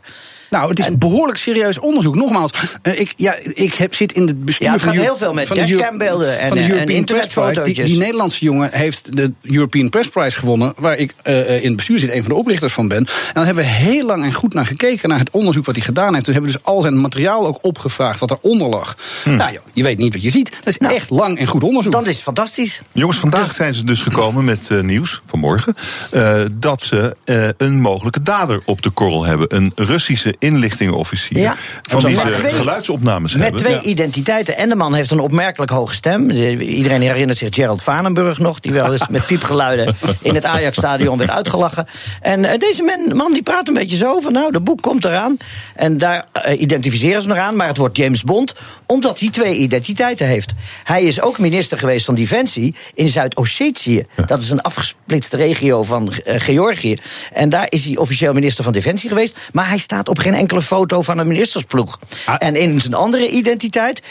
Ivanok heet hij dan, dan is hij generaal in het Russische leger. Dus het is een James Bond verhaal. Ja, het is Ik had het geloof- zelf niet geloof- kunnen maar, maar, maar, maar, eh, eh, twijfel je eraan? Is, het het past wel in, in jouw, het pleidooi wat je net hield, dat je eraan twijfelt, dat je niet gelooft. D- Nee ik, ik, nee, ik vind het te mooi om waar te zijn. Maar ik geniet er enorm van. Dat moet ik zeggen. Nee, Het dat, is- dat, dat ben ik, dat ben ik helemaal niet met je eens. Ik bedoel, er is natuurlijk veel onbekend. En je hebt helemaal gelijk dat je voortdurend moet blijven kijken hè, of het nou wel klopt, zulke soort verhalen. Maar de werkelijkheid, dat weet jij ook als, als schrijver. hè, De werkelijkheid is vaak veel absurdistischer dan alles wat je in romans met elkaar vindt. Kijk naar mijn dus eigen dat- leven, Dus dat, is- ja. dus, dus dat weet jij ook. En het feit dat deze Zuid-Ossetië, als hij daar inderdaad gezeten heeft, hè, die man, dat is een klein stukje in de Caucasus wat Rusland min of meer zo eh, achterloos een beetje geannexeerd heeft. Hè. En die Osseten die willen eigenlijk bij de Noord-Osseters aan de andere kant van de Caucasus hoofdketen. Daar willen ze bij. En dat is een conflict wat al eeuwen gaat Ja. en zo. En daar heeft Rusland even net een beetje landje pik gedaan. En natuurlijk is het politieke leidertje daar natuurlijk in dienst van een of andere van de FSB of een of andere Russische inlichtingendienst of, of, of militaire organisatie. Dat kan. Dus ik vind dat juist een aanwijzing. Hè, dat zo'n cv van zo'n man, als dat cv dan helemaal waar is, maar daar lijkt het wel op. Hè, dat het heel aannemelijk is. Dat soort, soort vuile klusjes net over de grens. Hè, die die door, door militanten in dienst van het leger of in dienst van het ministerie van Defensie of in dienst van het ministerie van, van Veiligheidszaken hè, geregeld worden. Maar weet je wat ik helemaal grappig hieraan vind? Dit is op de dag dat de nieuwe wet op de privacy hè, voor internet in, in, in, in gang gezet wordt. En nu zie je deze man, die Rus, die hoofddader, met die twee identiteiten, die is opgespoord door Bellingcat via al zijn internetgegevens. Dus hij heeft allerlei gegevens laten slingeren als telefoonnummers. hij heeft een, een hoogtemasker, een luchtmasker voor het hardlopen op grote hoogte... heeft hij besteld bij een webwinkel. En daar, die heeft hij laten bezorgen op een adres... van de, de Russische geheime dienst in Zuid-Ossetië. Nou, dit is, dit is. James Ja. Bond. Dit is echt een James Bond verhaal. Maar dan zie je, als je, als je dus slordig met je internetgegevens omgaat... Nou, dan kan Bellingcat Ja, je tot kan in iedereen je zien. Maar niet eh, alleen. Bellingcat hoor, overigens. Dan kan de FSB en de CIA en de BVD, die heet tegenwoordig de AIVD, kan je ook zien. Ja. Maar goed, ik had hier vanmorgen sprak ik eh, een van de nabestaanden van de slachtoffers van MH17. En eh, ja, die, die willen gewoon dat die mensen voor de rechter komen. zich verantwoorden, dat duidelijkheid komt. Het is eh. goed dat je daar nog even naar terughaakt. Ja. Want het is natuurlijk geopolitiek nogal een zaak. En ook wel potentieel een brisante zaak.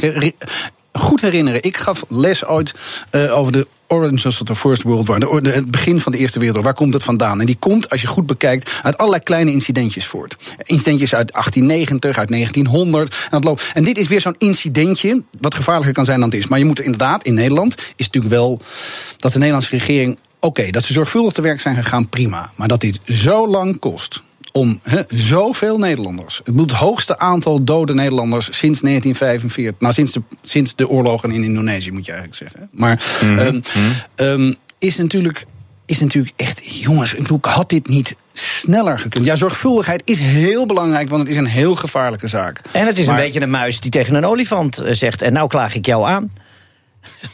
Het is niet de Europese Unie die het doet, het is niet de Europese Nee, maar gemeenschap, ik het is niet verwacht wel dat de, Unie, dat de Unie, nadat dit toch wel nu behoorlijk onomstotelijk is vastgesteld, eh, eh, zich achter de Nederlandse muis zal gaan zetten. Daar hebben we de Unie voor. Maar ja, dan moeten er, wat, wat kan er dan gebeuren? Sancties, denk ik dan.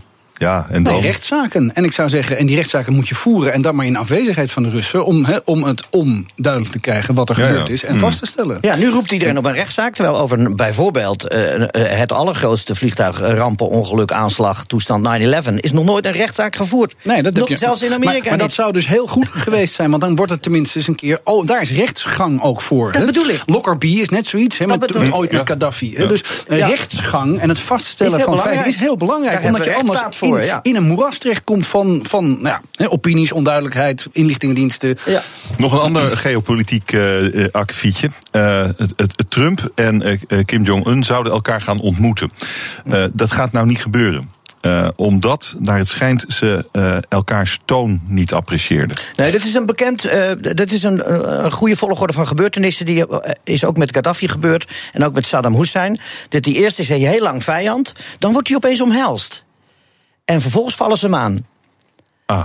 En eh, iedereen ziet nog Gaddafi, hè, die bij, door Sarkozy wordt omhelst. Hij werd, En uiteindelijk een Barnet is reet kreeg. En toch? uit- ja, in een, in ja, een greppel, ja. letterlijk, ja. ja. Precies. En uiteindelijk eh, werd werd hij aangevallen door ons. Dus eerst eh, zei hij, ja, oké, ik zal Ja, allianties. ja, ja. En opeens wordt hij dan aangevallen. Het is, het is, dat zou kunnen. want Het is natuurlijk ook gewoon een onderdeel van het internationale diplomatieke. Ik bedoel, je- Het is pokeren. Dus de, nu blijkt toch duidelijker weer dat de Koreanen toch heel graag willen, zeggen ze dan vandaag opeens weer. Heel graag willen, heel, heel graag. In plaats van ze gaan dreigen, gaan ze, gaan ze nu toch zeggen: alsjeblieft. Maar als je die. Ik weet niet of jullie die brief gelezen hebben van, Van Trump. Van Trump. Maar kennelijk zit hij die zelf te tikken of zo. Met, Ja. met, met, met stoom uit zijn oren. Want er komt iedere keer het woord sad. Sad. En het is duidelijk zijn vocabulaire. Het zijn gewoon twintig twitters achter elkaar. Ja, en het is, het is me ook van een, van een, van een inconsistentie in die brief, waar je maar- niet van terug hebt. Maar het er is ook. de- die- De Noord-Koreanen eh, eh, schijnen gezegd te hebben dat eh, Mike Pence, vicepresident van de Verenigde Staten, zeg Ja. ik dat goed? Dat hij een stuk onbenul is.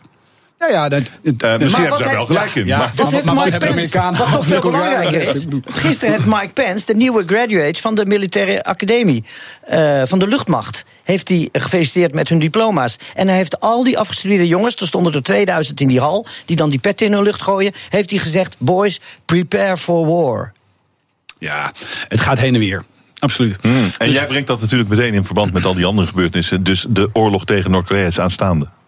Ik, ik hou daar ontzettend erg met. de- En de oorlog tegen Iran. Nee, ik denk, dat, ik denk dat die kans echt kleiner geworden is. Ja? Ik denk dat die kans, en je kan van Trump van alles zeggen. En die brief, dat is werkelijk echt zo tenenkrullend cringy, zouden mijn kinderen zeggen, dat je het niet gelooft. Maar ehm, aan de andere kant, het- hij is dus nu wel in gesprek. Er is een kat-en-muisspel, de deur staat open, dat zie je. In die brief houdt hij de deur ook open voor praten. En Nee, voor maar het zo waren we ook zijn in gesprek met Saddam Hussein. Zo waren we ook in gesprek met klopt, Gaddafi. Dat klopt wel. Het, en dat is, dat is eh, voor allerlei mensen slecht afgelopen. Maar ehm, ehm, kijk, de Chinezen die blijven wel uiteindelijk achter de Noord-Koreanen staan.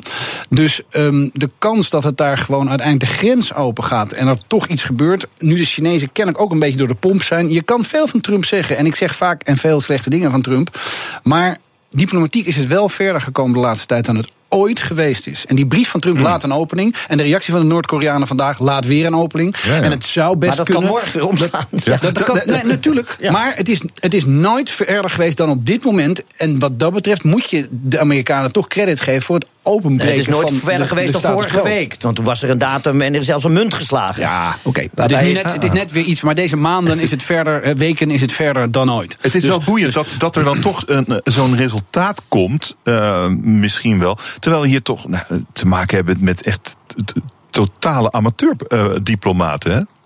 Die maar wat doen en Ja, elkaar dat, nemen we, dat nemen we even heel makkelijk aan. Maar Is dat we niet weten, waar, weten wij wie daar op de achtergrond dat zitten te doen? Wie of denk je daar dat precies Ja, het, of het Ja, zijn ik good cop, bad cop spelletjes. Ja, ook dat. En Trump, die kan wel- toch heel slim is. En Trump is Ja, natuurlijk, is, is Ja. natuurlijk niet, niet eh, vanzelf rijk geworden. Die is rijk geworden door het chicaneren in de bouwwereld van Newark, New Jersey en New York. Nou, dan kan je echt onderhandelen en zo. Ik bedoel, niet op de meest frisse wijze misschien altijd, maar onderhandelen kan hij wel. En als Machiavellist, wees onvoorspelbaar.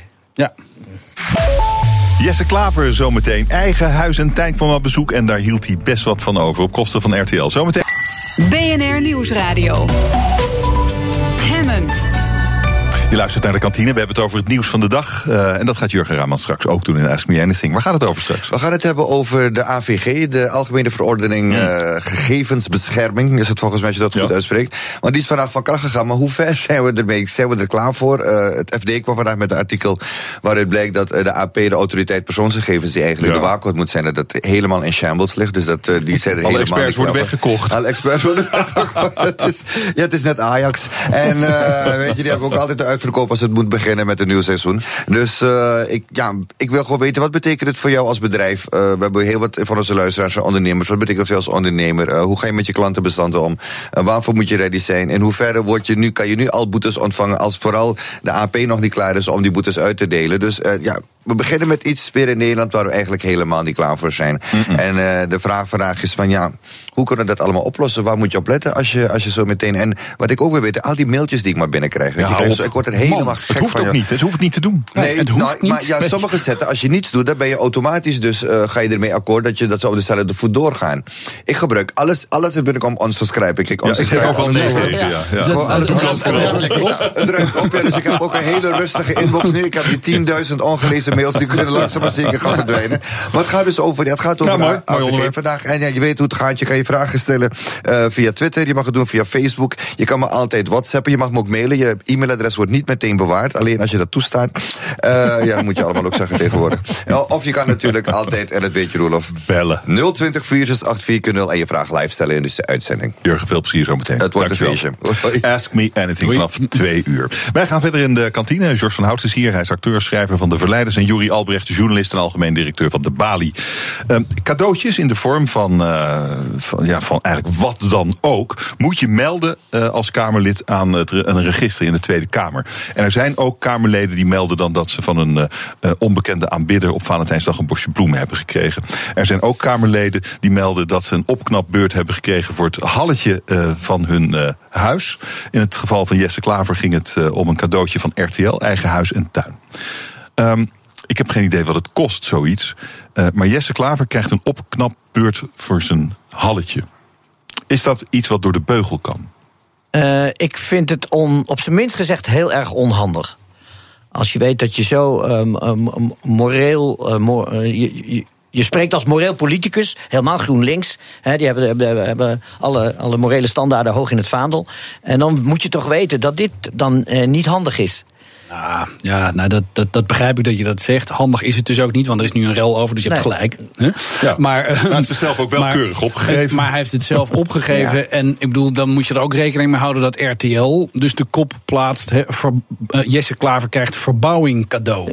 Ja, er zijn wat schrootjes Ja. in, de ha- in het halletje bijgelikt. Ik bedoel, hè, come on. Dus Ja. ik bedoel, als je dus met de, met de oneerlijkheid van anderen in de wereld rekening moet gaan houden, dan is het dus inderdaad niet verstandig blijkt. Want dan moet je dus eigenlijk, dus dan mag je eigenlijk alleen maar, zeg maar, simpele t-shirtjes die van katoen wat verbouwd is in, eh, in Frankrijk hè, aan en, en verder niks. Ik bedoel, hè, snap je? Dus Nee, maar dit is toch- het is maar natuurlijk wacht even, je bent- intrinsiek gesproken niet erg. Het, is, het gaat, Nee. bedoel, het Nee, gaat maar het is ook de grote mensenwereld. Dus je weet dat als je dit doet. eh, eh, het is handiger om het ja, gewoon niet te doen. Alexander Pechtold zijn penthouse Ja. was het ook niet Stond handig niet op de natuurlijk. lijst Die stond dus niet op de dit- jaar die weer niet. Die stond dus Nee. niet op de lijst, dus dat is, dat is, dat is pas En die, onhandig. en die verdedigde zich met: het was een privé kwestie. Maar wat, had hij, wat had Jesse Klaver moeten doen? Had hij tegen RTL moeten zeggen na de opname... ja, we slopen het er maar weer uit? Ik, ik, Nee, gewoon film aan mijn huis zoals het is. Ik heb niks te verbergen. Ja, dat- ja, maar daar ging dat programma niet over. Dat ging over iets veranderen aan het huis. Nou ja, oké. Ja, dat, nee, precies, dat ging over. Dus ik, ik, ik vind wel dat we ons je bent geen kijker, George. Nee, dat, ik vind het verschrikkelijk. Ons, ja, ik vind het ook verschrikkelijk. Ik- ik- maar dat we ons rekenschap moeten geven dat politici niet alleen maar rekening hoeven te gaan houden met de onbetrouwbaarheid van media die hun gaan framen als graaiers Ja, omdat het Ja. wellicht ooit over tien jaar zou kunnen dat iemand zou zeggen: verbouwing Jesse Klaver. Terwijl het ging om een programmaformat waar hij aan meedeed. Omdat politici graag willen laten zien. Aan de bevolking wat ze aan het doen zijn. En Oh. contact willen hebben via de pers Oh, ja. met hun kiezers. Wat ook trouwens in een democratie niet zo'n gek idee is. Dat Nee, maar goed, politici wij, zeggen, zo nu een- wij- wij vragen om transparantie. In Engeland Ja, heb je die die absurde kwesties gehad van die politici... die, die een, een landhuis Nou, voor in hun Nederland eenden in de eendenvijver Ja. hadden laten bouwen op schaal. Ja, ja. En die dat declareren als In Nederland had je ooit van Wouter Bos, die had een zonnebril gedeclareerd Ja. toen hij ergens in een Oh ja. ver land was. eh, voor een werkbezoek, hè, overigens. Nou, Ja. wees blij Ja. dat het zo transparant is. Maar dit is gewoon helemaal, als je van GroenLinks bent, eh, ni- niet handig. Een eh, eh, bijzonder verhaal eh, las ik vanmorgen. Dat gaat over een, eh, een advies dat waanzinnig populair is geworden. Namelijk herinner iemand aan de tien geboden. Ja. En wat zal blijken? Hij gaat zich eerlijker gedragen. Ja. Dat is eh, uitgevogeld door een psycholoog, eh, Dan Ariely. Eh, en wat vandaag, wat in elk geval in de krant stond, is dat het niet klopt. Het, is, eh, het is opnieuw uitgevogeld door Nederlandse psychologen.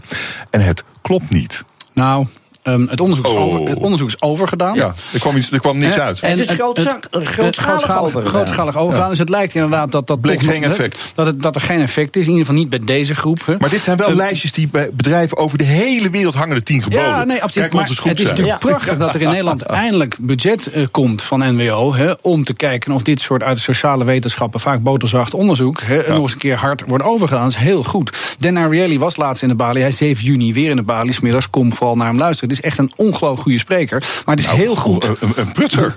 Nee, nee, nee. nee. Dat, is, dat, vind ik, dat vind ik veel te snel gaan. Er zijn namelijk allerlei andere aanwijzingen. Hè, die, en dat is natuurlijk ook niet zo gek, want even lang en duizend jaar lang hebben we mensen met morele dingen hè, eh, eh, voorgehouden om ze goed te laten doen. Er zijn allerlei andere aanwijzingen dat het best helpt om mensen aan te spreken op hun moraliteit. Ja. Maar dat dit onderzoek waarschijnlijk eh, niet zo doorslaggevend is, dat is, dat is heel duidelijk. Dat is heel Ja, duidelijk. maar, maar sinds daar de is hij heel invoering. beroemd mee geworden. Daar is hij heel beroemd. mee Ja, geworden, wij hebben met de verleiders een voorstel gemaakt door de bank genomen. Het is, nou, heeft een politieke gevolgen gehad. Eh, na, de, na de herfst komt de WRR met een eh, rapport over het geldstelsel. En een van de gevolgen was dat de bankiers tegenwoordig een bankierseed moeten afleggen. Nou, dat is een totaal wassen neus. Ja, dat wordt nu weer bevestigd door dit onderzoek. Door dit onderzoek, dat is bankiers zijn zich helemaal niet anders gaan gedragen door het eh, moeten uitspreken van een bankierseed. Nee, maar daar zitten ook andere aspecten aan, vind ik. Dat is bijvoorbeeld dat je als je mensen het laat uitspreken, dan kan je ze er achteraf, achteraf ook aan houden, bijvoorbeeld. hè. Zo ja, maar die staan ook ja. al gewoon in de tien Dus geboden. Je kunt, er is één in de tien geboden, wet, zeker. eh, Wat gij niet wilt dat u geschiet, doet dat ook een ander De niet. gulden regel, Dat is ja. de gulden regel. Daar hoef je, heb je helemaal geen bank, Ja. bankierseed eh, bij nodig. Je hebt je gewoon als mens te gedragen. Ja, maar, toch zijn er veel mensen die het niet doen.